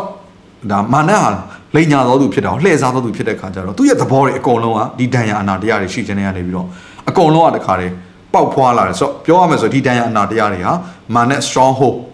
နော်သူအခြေချလို့ရတဲ့မျိုးရိုးမျိုးပြပုံစံမျိုးဖြစ်လာပါတယ်နောက်တစ်ခုကဘာလဲဆိုတော့သူ့ရဲ့ဘဝရဲ့အသက်တာထဲမှာနော်သူဟာဘယ်တော့မှမျှော်လင့်ချက်မရှိတဲ့လူတယောက်ဆုံးရှုံးသူလို့အမြဲတမ်းခံယူစေတယ်နောက်သူဟာ ရှက်ကြောက်နော်အရာရာကိုရှက်ကြောက်တဲ့လူတယောက်ဖြစ်လာတယ်လူတော်မတိုးတော့ဘူးလူနော်သူကအမြဲတမ်းကိုကိုကိုသူကဖုံးကွယ်ဖို့စူးစမ်းတဲ့လူတယောက်ဖြစ်တယ်ပုံဖို့စူးစမ်းတဲ့လူတယောက်ပေါ့နော်ဒီအရာမျိုးဖြစ်တယ်ဆိုတော့နံပါတ်9ကတော့သူဟာငင်းဆန်ပုံကန်တဲ့လူတယောက်ဖြစ်တာ rebellion rebel လောက်တာပေါ့နော်အဲကျွန်တော်ဒီစကားလုံးတိုင်းရကျွန်တော်တပုံပေါ့ဆိုတော့တခုဆိုရင်သဘောမတူဘူးပဲသူကကလန်ကလန်တိုက်ဖို့ပဲသူကလုံနေတာနော်အစည်းအဝေးထိုင်လဲပြဿနာရှာသူပဲ အတင်းတော်မှာဆိုသူပဲပြဿနာရှာမိသားစုအိမ်တော်ဆွေမျိုးတွေမှာသူပဲပြဿနာရှာဆိုတော့ကျွန်တော်တို့ဒီလောဒီလူမှုရေးမှာဆိုဒီစကားလုံးသုံးတယ်ပြဿနာကောင်းအဲ့လိုလူမျိုးဖြစ်သွားတာသူဘာကြောင့်လဲအဲ့လိုလူတွေအသက်တာတွေမှာသူတို့ဘယ်သူမှမပြောပြအတွင်းထဲဒဏ်ရာတွေရှိနေတတ်တယ်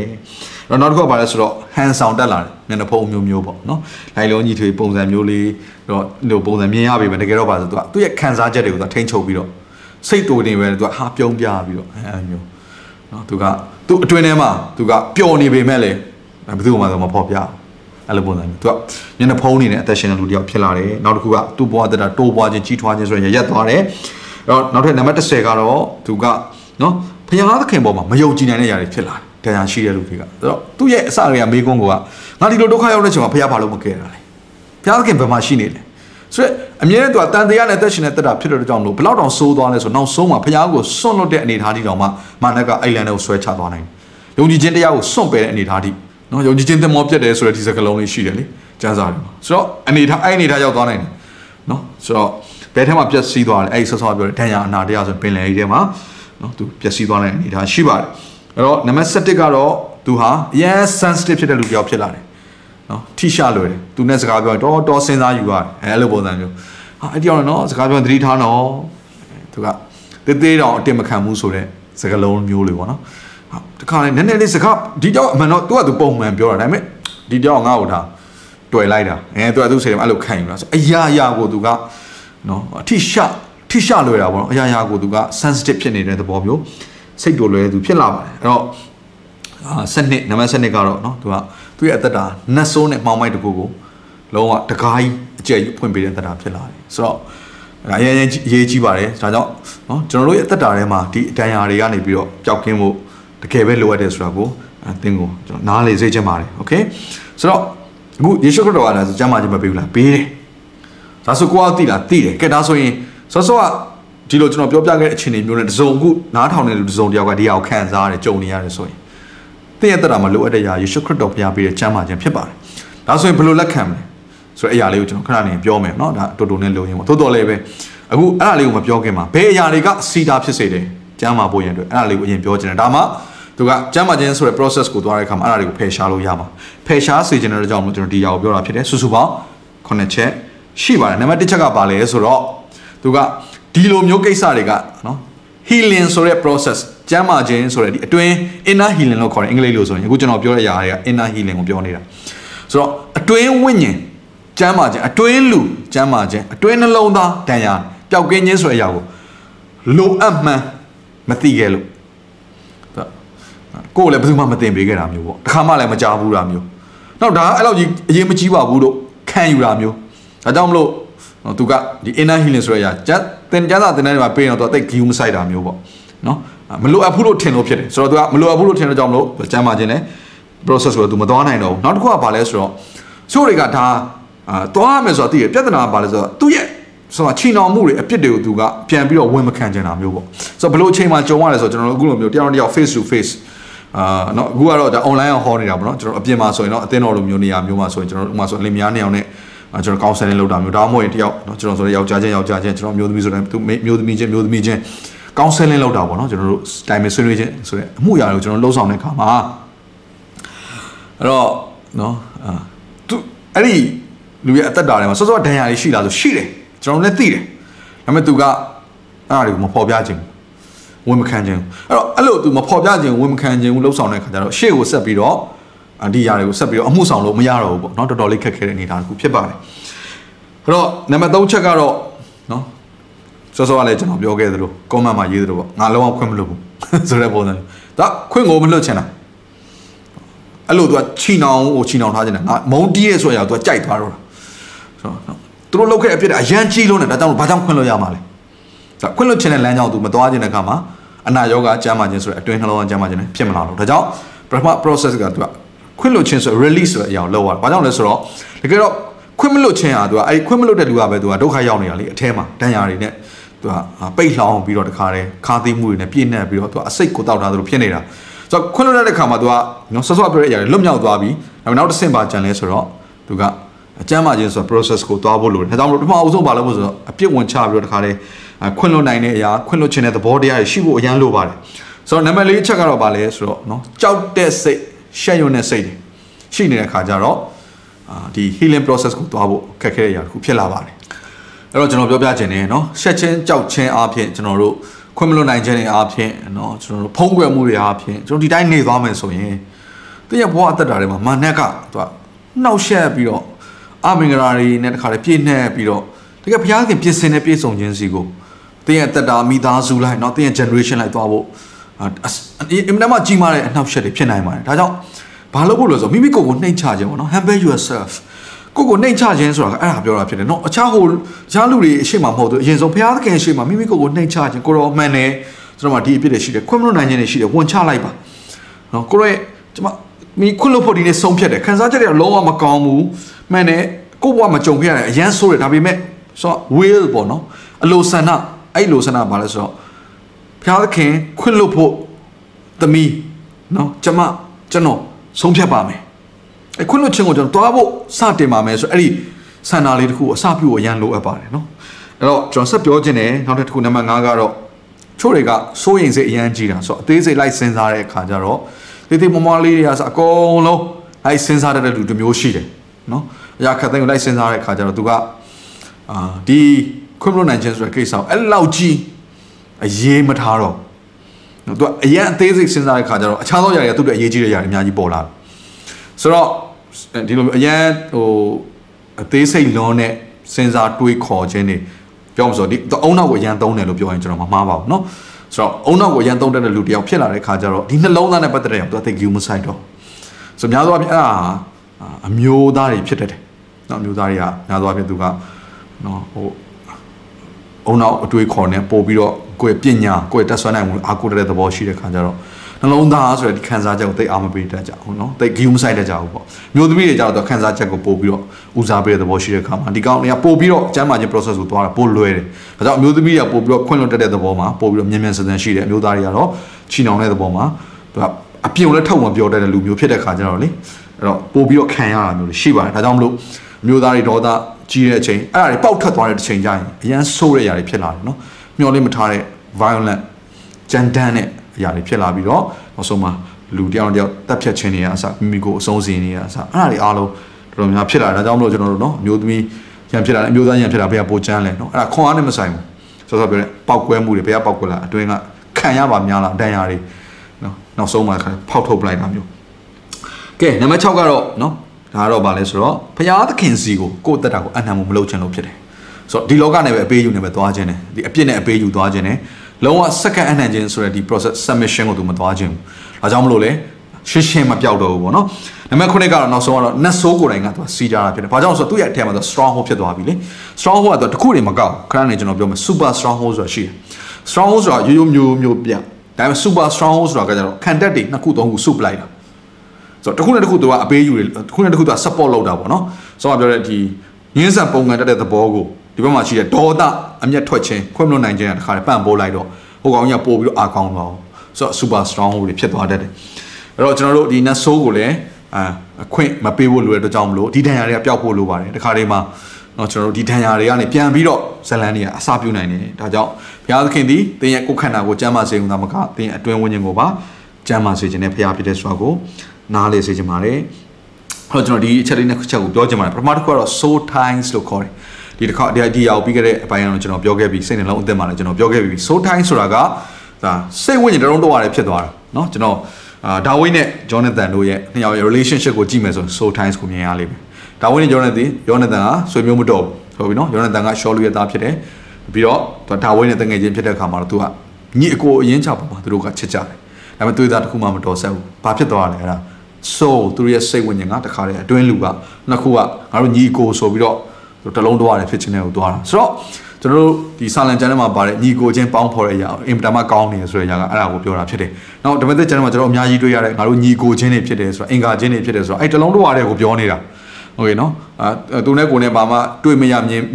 ဟိုသဘောတရားတော့အတူတူလောက်ပဲခရိယန်ခရိယန်ချင်းပဲဒါပေမဲ့ပေါင်းလို့မရတဲ့ဟာမျိုးပြောတာမဟုတ်ဘူး။လုံးဝ so time စိတ်နှလုံးတလုံးတော့ရတယ်ဖြစ်တာ။ဆိုတော့အဲ့ဒါက သူက godly ဆိုတဲ့ဘုရားသခင်အလိုတော်နဲ့ညီတဲ့တလုံးတော့ရတယ်ဖြစ်ခြင်းလည်းရှိတယ်ဥပမာလေမယားနှစ်ယောက်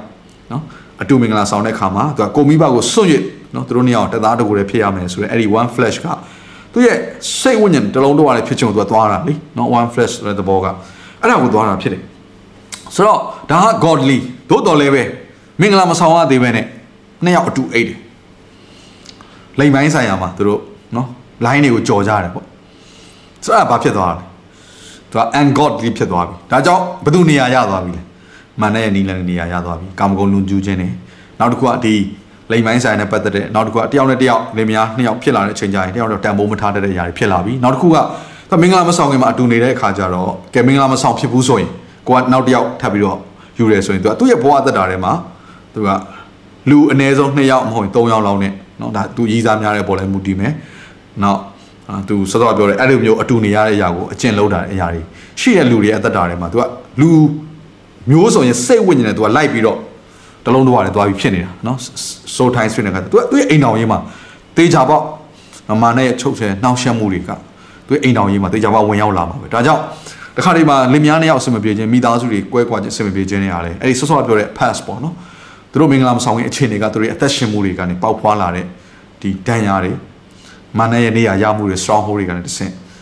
သူတို့ရဲ့မတန့်ရှင်းမှုတွေကတဆင့်အလုံးလုံးချင်းခံရတာဖြစ်တယ်လွှမ်းမိုးခြင်းခံရတာဖြစ်တယ်ဒါကြောင့်ကျွန်တော်တို့မိမိအပြစ်ကိုဘုရားရှိခိုးဝင်ချတောင်းပန်ခြင်းဟာခရိယန်သက်တော်တဲ့အင်တန်မှအရေးကြီးတဲ့အရာတစ်ခုဖြစ်တယ်ဆိုတော့သင်သဘောပေါက်နားလည်ဖို့လိုတယ်နော်ဒါကြောင့်ခရိယန်ဖြစ်တယ်ဆိုတာကလွယ်မလို့နဲ့တကယ်တော့အင်မတန်မှနော်ခက်တဲ့အရာတစ်ခုဖြစ်တယ်ဘာကြောင့်လဲဆိုတော့ကိုယ့်ရဲ့စိတ်ဝိညာဉ်ကိုကအစ်စ်ကိုကိုယ်တိုင်ကပြုပြင်မှုပြင်ဆင်ရတာဖြစ်တယ်။တော့ဒီကျမ်းစာလေးကိုကျွန်တော်ဖတ်ချင်တယ်ဆောစောကကျွန်တော်ဒီဒါနော်ယောက်ျားနဲ့မိန်းမအတူနေခြင်းလိမ်ပိုင်းဆိုင်ရာမှာ ဖောက်ဖြစ်ခြင်းဆိုတဲ့အရာတွေကိုကျွန်တော်ပြောနေတဲ့အခါမှာပေါင်းဖော်ခြင်းဆိုတဲ့အရာပြောနေတဲ့အခါမှာချို့တွေကနော်အာသဘောမပေါက်လို့ဖြစ်မှာဆိုဒီကျမ်းစာဖတ်ချင်တယ်တစ်ကောခန်း6ငယ်15နဲ့16ဖြစ်တယ်။သင်တို့ကိုခန္ဓာသည်ခရစ်တော်၏အင်္ဂါဖြစ်ကြောင်းကိုမသိကြသလော။တို့ဖြစ်လင်ခရစ်တော်၏အင်္ဂါကိုယူ၍ပြည့်တစား၏အင်္ဂါဖြစ်စေအပ်သလောမဖြစ်စေအပ်သလောမဖြစ်စေအပ်အဘယ်သို့နည်းပြည့်တစား၌မိဝဲသောသူသည်ထိုပြည့်တစားနှင့်တသားတကိုယ်တည်းဖြစ်ကြောင်းကိုမသိကြလော ထိုသူနှစ်ယောက်တို့သည်တသားတကိုယ်တည်းဖြစ်ရလိမ့်မည်ဟုကြံစာလာ၏ဘုရားသခင်၌မိဝဲသောသူသည်ထိုသခင်နှင့်တစိတ်တဝိညာဉ်တည်းဖြစ်၏ကျွန်တော်ပြောကြမယ်အဲ့တော့သင်ကနော်သူကဘုရားသခင်ရဲ့သဘောတရားကဒီကျွန်တော်တို့ကိုဒီ sex ပေါ့နော်မတူညီတဲ့မျိုးပွားတဲ့အင်္ဂါတွေထည့်ပေးလိုက်တယ်နောက်တစ်ခုကဒီ enjoy ပေါ့ဒီ sex အားဖြင့်ကိုယ်ခန္ဓာမှာအသွေးသားပိုင်းဆိုင်ရာ အာကျင့်တတ်မှုဝမ်းမြောက်မှုစိတ်ရှင်လန်းမှုဖြစ်စေဖို့ရန်အတွက်ဘုရားသခင်ရဲ့အကြံစီကဘယ်ထဲမှာပဲရှိလဲဆိုလင်မယားနှစ်ယောက်ကြားထဲမှာပဲရှိတယ်။ဒါအဲ့ယောက်ျားနဲ့မိန်းမဒီတသက်တာလုံးမှာဒီနှစ်ယောက်ကြားထဲမှာဘုရားသခင် enjoy လုပ်ဖို့နောက်တစ်ခုကမျိုးပွားခြင်းဆိုတဲ့အရာကိုဆက်လက်ပြီးတော့သွားလှုပ်ဆောင်နိုင်ဖို့ရန်အတွက်ဘုရားသခင်ကပြင်ဆင်တဲ့အရာတစ်ခုဖြစ်တယ်။ အဲ့တော့အဲ့ဒါကိုဖောက်ဖျက်ပြီးတော့ဒါဘုရားရှင် law ပေါ့နော်ဒါ natural law လို့ပြောနေမှာပေါ့အဲ့ဒါကြီးကိုကျွန်တော်ဖောက်ဖျက်ပြီးတော့ဥမာယောက်ျားချင်းယောက်ျားချင်းမိန်းမချင်းမိန်းမချင်းဒါမှမဟုတ်လေမင်္ဂလာမဆောင်ခင်မှာအတူနေခြင်းဖောက်ဖျက်ခြင်းဆိုအရာတွေအားလုံးဟာဘုရားခင်ပြင်ဆင်တဲ့အဲ့အကြံစီကြီးကိုသူက violate လွန်ကျူးလိုက်တာနဲ့အတူတူပဲဖြစ်တယ်အဲ့တော့သူ့ရဲ့ consequences ဆိုတဲ့နောက်ဆက်တွဲတွေကစိုးကျိုးတွေပဲဖြစ်လာတယ်။တော့ကျွန်တော်တို့ကအဲ့ဒါတွေတွေကနေပြီးတော့အာလွတ်မြောက်ဖို့အရန်ရေးကြည့်တယ်။အဲ့တော့ ဆိုးထိုင်းဆိုတဲ့အရာကိုကျွန်တော်ဘာကြောင့်အခုဒီဒဏ်ရာအနာတရားဆိုတဲ့အထက်မှာထည့်ပြောလဲဆိုတော့တခါတလေမှာအဲ့ဒဏ်ရာအနာတရားတွေရနေတဲ့လူတစ်ယောက်ဟာသူကအဲ့ဒဏ်ရာအနာတရားကိုဖြစ်စေတော့သူကိုခွင့်မလွတ်နိုင်ခြင်းနဲ့သွားပြီးချီနှောင်ထားတာမျိုးအစင်မြတ်မှတ်မိတဲ့ပုံရိပ်တွေအဖြစ်ချီနှောင်ထားမျိုးဖြစ်တယ်ဆိုတော့ဘာနဲ့တူလဲဆိုတော့သူကဒီနော်ဟိုတေကွင်းတေကွင်းတကွင်းကိုကျွန်တော်ဒီဗီဒီယိုလေးသိလာတော့မသိဘူးเนาะကျွန်တော် Facebook မှာကျွန်တော်တွေ့ဘူးတယ်ဖျဲသီးကိုတေကွင်းဆွတ်ထားတာမျိုးပေါ့เนาะ ဒီကွန်းဆွတ်တော့ကျွန်တော်ပြောမယ်ဆန်းရင်ဆန်းကြည့်ဖျက်သည့်တလုံးကိုယူဖျက်သည့်အရှိလေးကိုယူရင်ပိုကောင်းတယ်မြန်မြန်ဆန်ပြီးအောင်နော်ဆန်းကြည့်ပြင်ဒီကွန်းနဲ့အများကြီးဝယ်ပြင်ဖျက်သည့်ကိုဒီကွန်းတစ်ကွန်းဆွတ်လိုက်ဘာမှမဖြစ်ဘူးဖျက်သည့်ကအေးဆေးပဲနောက်ဒီကွန်းတစ်ကွန်းထပ်ဆွတ်ဘာမှမဖြစ်ဘူးဆယ်ကွန်းလောက်ဒီတဲ့ဆွတ်ဘာမှမဖြစ်ဘူးဒါပေမဲ့ယာကနဲရောက်လာပြီဆိုရင်ဆွတ်ကြည့်ဆက်ပြီးဆွတ်ကြည့်ဒီကွန်းတစ်ကွန်းပြီးတစ်ကွန်းတစ်ကွန်းဘာဖြစ်လာမလဲနောက်ဆုံးမှာဖျက်သည့်ကတခါလေအစိတ်စိတ်မှမှာကွဲကြည့်သွားမယ်ဆိုတော့ so time ဆိုတာအဲ့ဒါကိုပြောတာဖြစ်တယ် ဆိုတော့ပထမကသိမသိတာဒါပေမဲ့ကိုကခွင့်မလွတ်နိုင်တဲ့တစ်စင်ပြီးတစ်စင်များလာတယ်ဒဏ်ရာတွေတစ်ခုပေါ်တစ်ခုထပ်လာတယ်နော်တော့တချင်းဆိုရင်တော့ဒါတွေကအကြလာရှိသလိုပဲနော်အလွမ်းအလွမ်းဆွေးတချင်းတွေဆိုရင်ဟာတခါလဲဒီချင်းတွေကျွန်တော်ကြားဖို့ပါကျွန်တော်ငယ်တုန်းကဆိုရင်ဒီချင်းတွေနော်ကြားခဲ့ပါအာဒဏ်ရာတွေနော်ငါမှ black box ဖြစ်နေပြီပါညာပေါ့အသမီးစားကိစ္စတွေဆိုကြတယ်ဆိုတော့အတိတ်ပဲပါဆိုတေးကွင်းနေတာဖျဲသီးထဲမှာတစ်ခုတစ်ခုစွတ်နေတဲ့သဘောရှိတယ်ဆိုတော့အချိန်တစ်ခုရောက်ရင်သူကပောက်ကွဲတော့မှာလေ ပြင်းပြင်းထန်ပောက်ကွဲတော့မှာအဲ့တော့တင်မယုံမှုဆိုရင်ကျွန်တော်ပြောမယ်ဖျဲသီးမဝင်နဲ့နော်အဲ့ဒီကွင်းကိုတင်ကောင်းမှာပတ်ကြည့်ပထမတပင်ပတ်အေးစေးပဲအဲ့တော့ကြည့်ဘာမှမသိတာဘူးဒီကွင်းနဲ့တပင်တပင်ပတ်ကြည့်နောက်ဆုံးနော်တင်အသက်သေဆုံးတဲ့အထိဖြစ်သွားနိုင်တယ်ဆိုတော့သူ့ရဲ့နာကျင်မှုဒဏ်ရာတွေဆိုအဲ့ဒါပဲသူ့သဘောကသွားပြီးတော့တခွန်းတို့သွားပြီးတော့ချိတ်ဆက်ပြီးတော့နောက်ဆုံးမှသူအင်အားတွေအကုန်လုံးစုပေါင်းပြီးတော့ ကိုယ့်ကိုဖိနေတဲ့အရာတခုဖြစ်တယ်เนาะအဲ့ဒါကျွန်တော်တို့သဘောပေါက်ဖို့လိုတယ်အဲ့တော့အခုကျွန်တော် super strong ဆိုတဲ့အရာလေးကိုပုံလေးပြပြီးတော့ပုံလေးတစ်ပုံပြပြီးတော့ကျွန်တော်ပြောပြချင်တယ်ကဲအခုဒီပုံထဲမှာเนาะဘာတွေ့ရမလဲအဲ့ဒီမှာ shame เนาะဆိုတဲ့အရာရှက်ချင်းကြောက်ကြောင်ယွန်ခြင်းเนาะဒါရှက်ကြောက်တဲ့အရာနောက် fear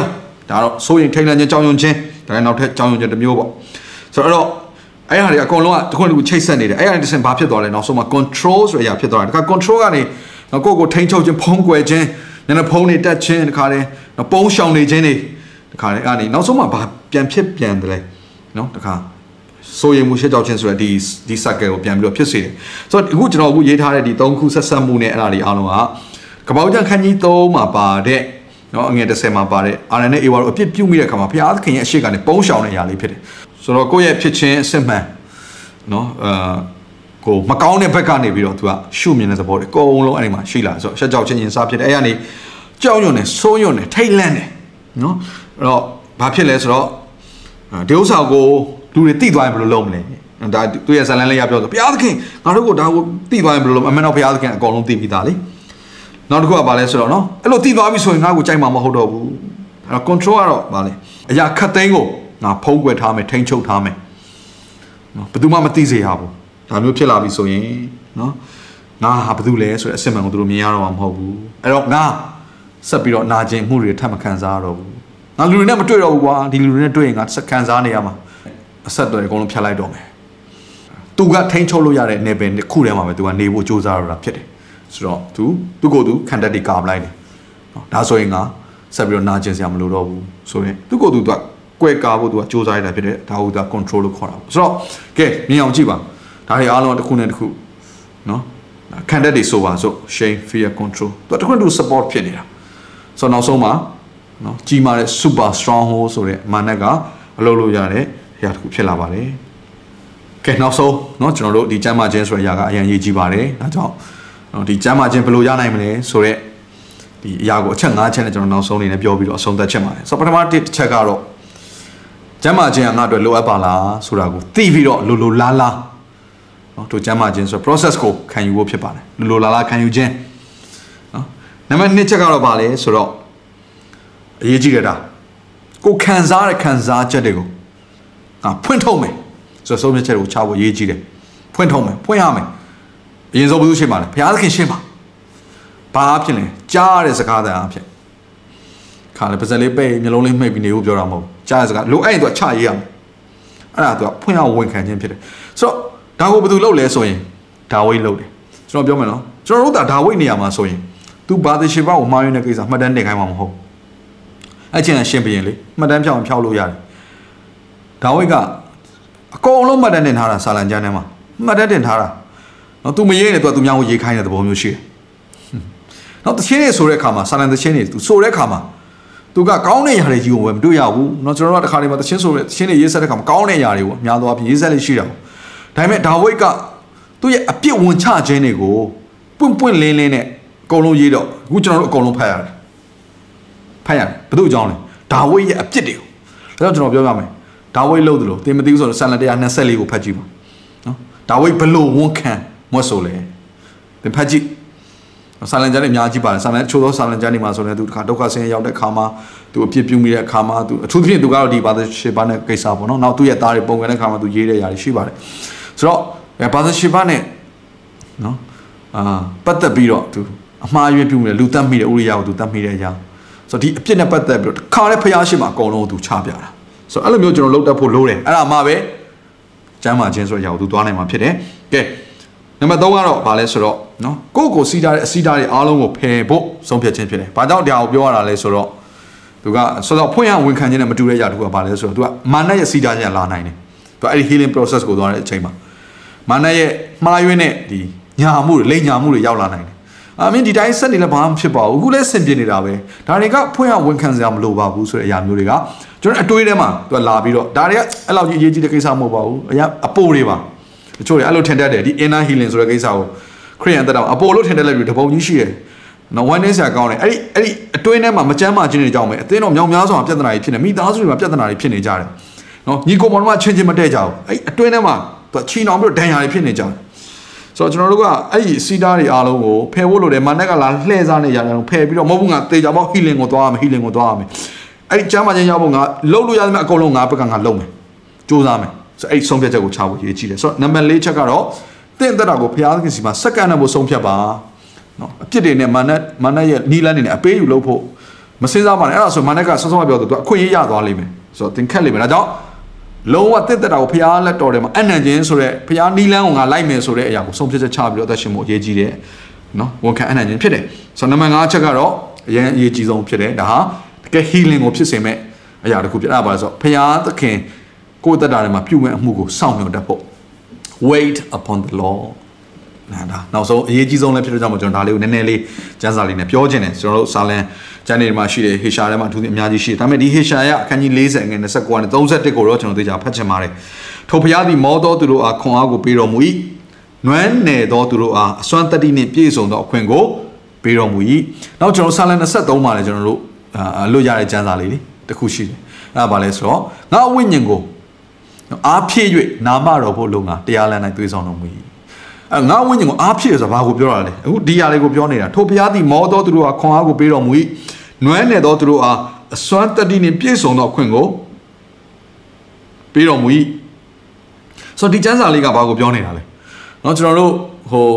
အာလမ်းလျှောက်တာများသွားပြီးပင်ပန်းလို့တခါအရေးမှနားနေကိစ္စကိုပြောတာမဟုတ်စိတ်မောတဲ့အရာကိုပြောတာဖြစ်တယ်အတွင်းဝိညာဉ်ကပင်ပန်းတဲ့အရာကိုပြောနေတာဖြစ်တခါတည်းမှာကိုယ်ခန္ဓာကတခါတည်းနော် သူကအလေးတွေပင်အလေးတွေနဲ့တခါတည်းဂျင်မှာဆော့ထားတာပလာကြီးတွေအတောင်ကြီးတွေပဲဒါပေမဲ့အတွင်းထဲမှာသူကဒဏ်ရာတွေအပြည့်နဲ့နော်ငိုမယ်ဆိုအဲ့လိုမျိုးပလာတောင်းတောင်းနေရအရှိဆုံးကရှိတတ်တယ်တခါတည်းကြိုင်းတခါတည်းမှာကြောက်တတ်တဲ့လူတွေကအဲ့လိုမျိုးတခါတည်းမှာနော်ရောက်ဟိုအမျိုးသမီးတွေထက်အမျိုးသားတွေကကြောက်တတ်တဲ့အရာမျိုးတွေလည်းအများကြီးတွေ့ရတယ်အဲ့တော့ဘာကိုပြောချင်တာလဲတခါတည်းမှာကိုခန္ဓာကြီးကကြီးလို့ဗလာတွေတောင်းနေလို့တယ်ခွန်အားအစွမ်းတတ္တိရင်နဲ့အမြဲတမ်းပြည့်ပြီးတော့လန်းဆန်းနေပဲလို့မထင်ပါနဲ့နော်မိသားစုအိမ်တော်တွေမှာအမျိုးသားယောက်ျားတွေ ပင်ပန်းနွမ်းနေတဲ့လူတွေအများကြီးရှိတယ်အမျိုးသမီးတွေဒါလည်းသဘောပေါက်ဖို့လိုပါတယ်အမျိုးသမီးတွေပင်ပန်းတာကတော့ဒါနားလည်ပြီးသားဖြစ်တယ်အမျိုးသမီးတွေဆိုတာအစကတည်းကသူကနော်အင်အားရရောသူရဲ့ဒီလူမှုအတိုင်းဝိုင်းရဲ့ပုံစံရရောသူကနော်ခံရတဲ့ဘက်မှာပို့ပြီးတော့များတာဟုတ်နော်သူကခါတယ်ကိုခန္ဓာဝိုင်းဆိုင်ရာညင်ပန်းနေဆက်မှုဖြည့်ဆည်းမှုစိတ်ပိုင်းဆိုင်ရာအပြစ်တင်မှုဝေဖန်မှုတွေကအမျိုးသမီးကပုံပုံကြုံတော့ကျွန်တော်တော့တိတ်အများကြီးတိတ်ပြောစရာမလိုသဘောပေါက်ပြီးသားဖြစ်တယ်ဒါပေမဲ့အမျိုးသားတွေကကြောင့်ကြည့်လိုက်ရင်တော့တောက်တောက်တင်းတင်းနဲ့ပေါ့နော် ကြည့်လိုက်ရင်သူကပဲရှေ့ဆုံးကလည်းပြေးတော့မလို့လို့ဒါပေမဲ့အဲ့အဲ့လိုမျိုးနော်ဟိုရှိပေမဲ့လည်းသူရဲ့နောက်ွယ်မှာအင်အားနေပြီးတော့မောပန်းပြီးတော့အစွမ်းတက်တီနဲ့ပျောက်နေတဲ့ယောက်ျားတွေအများကြီးရှိတယ်လေဘာလို့ဖို့လို့လဲအစွမ်းတက်တီပေးတော့ဘုရားစီမှာမျှော်လင့်တတ်ဖို့လို့တယ်လူပြိုတို့သည်မော၍ပင်ပန်းခြင်းသို့ရောက်လိုက်ရောက်ကြလိမ့်မည်လူလင်တို့သည်လည်းထိမိ၍လဲကြလိမ့်မည်ကျမ်းစာဒီလိုမပြောပါဘူးเนาะအမျိုးသမီးငယ်တို့ဟာမောရပင်ပန်းခြင်းတို့ရောက်ကြလိမ့်မယ် အဲ့လိုမပြောဘဲနဲ့ तू ကယောက်ျားတန်ဆွမ်းခြင်းဆိုတဲ့တန်တန်ဆွမ်းဆွမ်းရှိတဲ့ခွန်အားဆွမ်းတတိနဲ့ပြည့်တဲ့လူလင်လူပြိုတွေကိုသူကအတိကထားပြောနေတာအဲ့လူတွေပင်ပန်းတတ်တယ်ဘာပင်ပန်းတာလဲအဲ့အတွင်းလူစိတ်ပိုင်းဆိုင်ရာထာဝရဘုရားကိုမျှော်လင့်တော်သူတို့မူကအားပြေကြလိမ့်မည်ရွှေလင်းသားကဲ့သို့မိမိတို့အတောင်ကိုအသက်ပြုပြင်ကြလိမ့်မည်ပြေးတော်လဲမပင်ပန်းခီးသွားတော့ကမမော်ရကြသင်ရဲ့အသက်တာခီးလမ်းမှာနော် သင်ပြေးရတဲ့အခါမှာကျွန်တော်ဒီပြေးခြင်းနဲ့ခီးသွားခြင်းတွေဆိုတာကဒီလောကမှာပဲရှိတာလေနော်ပေါ်လူကပါပြောတယ်ငါပြေးရမလားကိုအဆုံးနိုင်အောင်ငါပြေးပြီနောက်ကျွန်တော်သင်တဲ့သင်ခန်းစာ Journey of Israel ယုံကြည်သူတရားရဲ့ခရီးလမ်းဆိုတော့ကျွန်တော်တို့ကခရီးလမ်းမှာပြေးနေရတဲ့လူတွေဖြစ်တယ်ဆိုတော့ပင်မတတ်တယ်မောတတ်တယ်ဆိုတော့တန်းရတန်ချက်တွေအနာတရားတွေရှိတတ်တယ်ဒါပေမဲ့ဖျားကိုမျှော်လင့်တဲ့သူကတော့တဲ့အားပြေကြနိုင်မယ်ဆိုတော့အတွင်းနှလုံးသားထဲမှာရှိတဲ့တန်ရတန်ချက်တွေကိုအနာတွေကိုကျမ်းမာစေတာဘာလို့လဲဆိုရင်ဖျားသခင်ဖြစ်တယ်အဲ့တော့သင်က ဖျားစီကမျှော်လင့်မှုဖြစ်တယ်ချို့သောသူတွေကကိုယ့်ရဲ့ကိုယ့်ရဲ့အတွင်းနှလုံးသားကျမ်းမာခြင်းကိုကိုယ့်ရဲ့ဇနီးတဲ့ခင်မွန်းတဲ့စီကမျှော်လင့်လူတွေတပုံကြီးရှိတယ်နော်ဟိုအရန်ကောင်းတဲ့ဇနီးတဲ့ခင်မွန်းတဲ့ရထိုင်တော့တစ်မျိုးပေါ့နော်သူတို့ရဲ့အကူအညီအပြင်ကိုကကျမ်းမာသွားစေနိုင်တယ်သူတို့ရဲ့ကိုယ်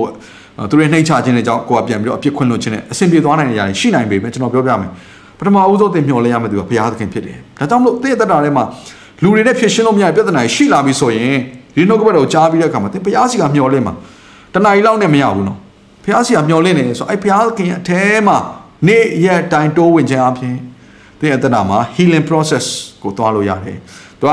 တနားရီနဲ့ပြီးသွားမယ့်ကိစ္စမဟုတ်ဘူးတရက်တည်းနဲ့လည်းပြီးချင်မှပြီးမယ်တစ်ပတ်လည်းပြီးချင်မှပြီးမယ်တစ်လလောက်လည်းသွားရင်သွားမယ်တစ်နှစ်လောက်လည်းသွားရင်သွားမယ်ဒါနှစ်နဲ့ချီကြာပြီးတော့မှ healing ဖြစ်သွားတဲ့လူတွေကျွန်တော်တွေ့ဘူးတယ်နော်တော်တော်ကြီးကိုပြင်းပြင်းထန်ထန်သူကကြုံခဲ့ရတဲ့ခါကျတော့ကြော်ဖြတ်ရတဲ့အချိန်ကာလကြာကောင်းကြာသွားနိုင်တယ်ဒါပေမဲ့သူကဘာအဖြစ်ပြောက်သွားလဲနောက်ဆုံးမှာသူပတ်စံချမ်းသာသွားလို့မပြောက်ဘူး အပေါင်းအသင်းတွေစုံသွားလို့လည်းမပြောက်ဘူးအရက်တွေတောက် smooth ဆေးဝါးတွေတုံးလို့လည်းသူမပြောက်သွားဘူးအဲ့ဒါတွေတုံးရင်သူအသက်ပဲပြောက်တယ်နော်အထက်ကအနာတော့ပြောက်မှာမဟုတ်အဲ့တော့အာနော်ချို့ကကြတော့နော်မျိုးမျိုးပေါ့နော်ဒါဟာတစ်ခါချို့လည်းကြလူတွေနဲ့တိုင်ပင်ပြီးတော့ဆွေးနွေးပြီးတော့ဒါလည်းမပြောက်ချို့ကကြတော့ဆေးအခုဒါအခုခေတ်မှာဆိုရင်သိပ္ပံပညာဆေးဆေးပညာထုံကားလာတော့တခါလဲ psychology နဲ့တခါတွက်ချက်ပြီးတော့ဆေးတွေတောက်ကြ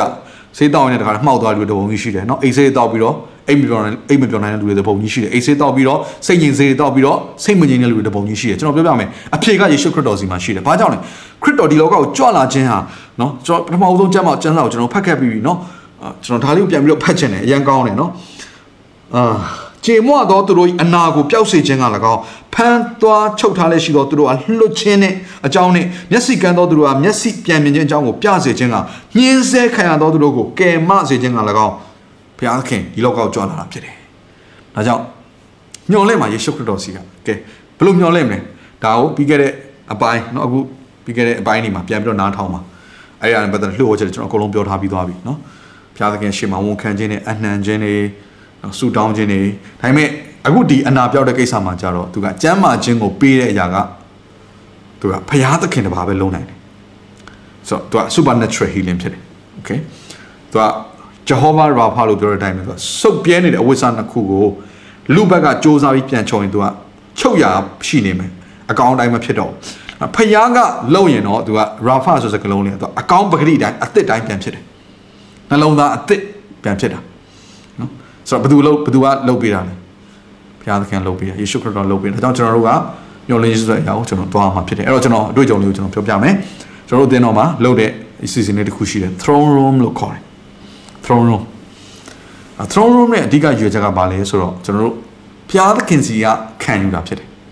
okay ပြီးရင်ကိုယ့်ရဲ့ခံစားချက်အားလုံးကိုဘုရားစီမှာဝန်ခံတာဖြစ်တယ်အဲ့တော့ကျွန်တော်ဘယ်လိုလုပ်လဲဆိုရင်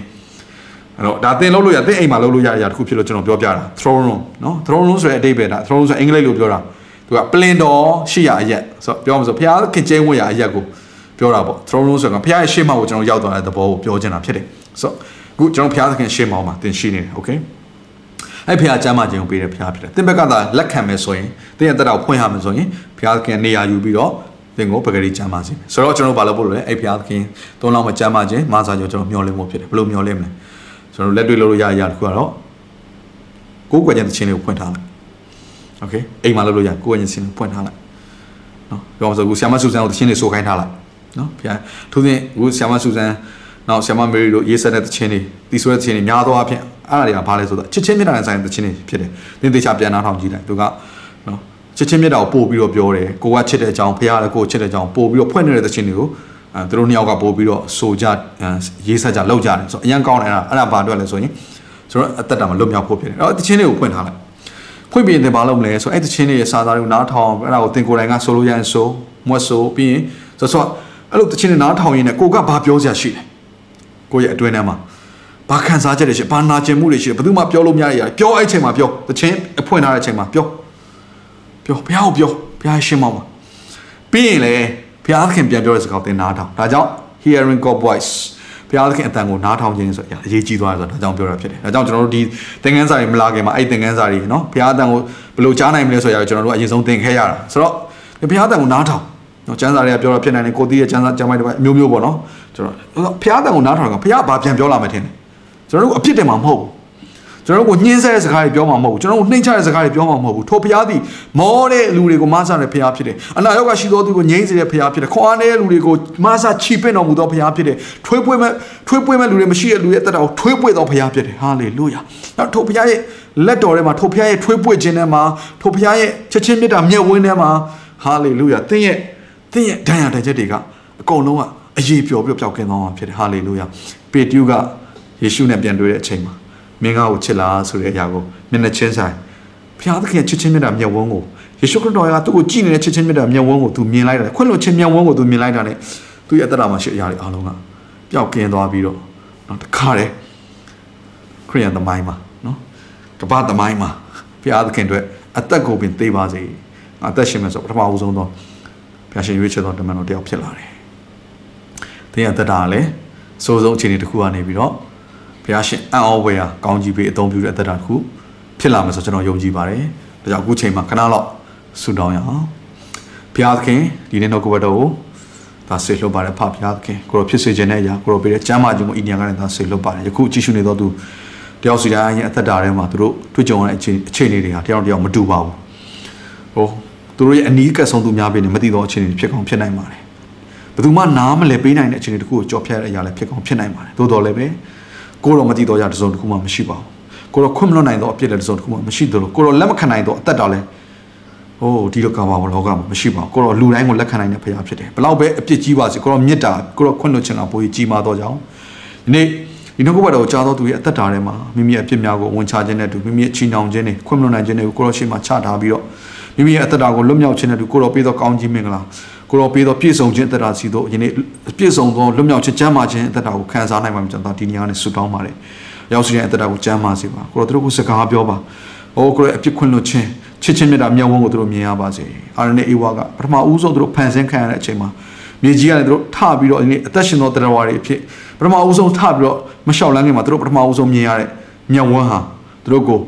ဟိုတကယ်ပဲချစ်သောမေတ္တာနဲ့ကြည့်ရှုနေသောသူတို့ကိုပြုပြင်ဖန်ဆင်းသောထိုဘုရားရှင်ကိုမြင်ရတဲ့ ဟို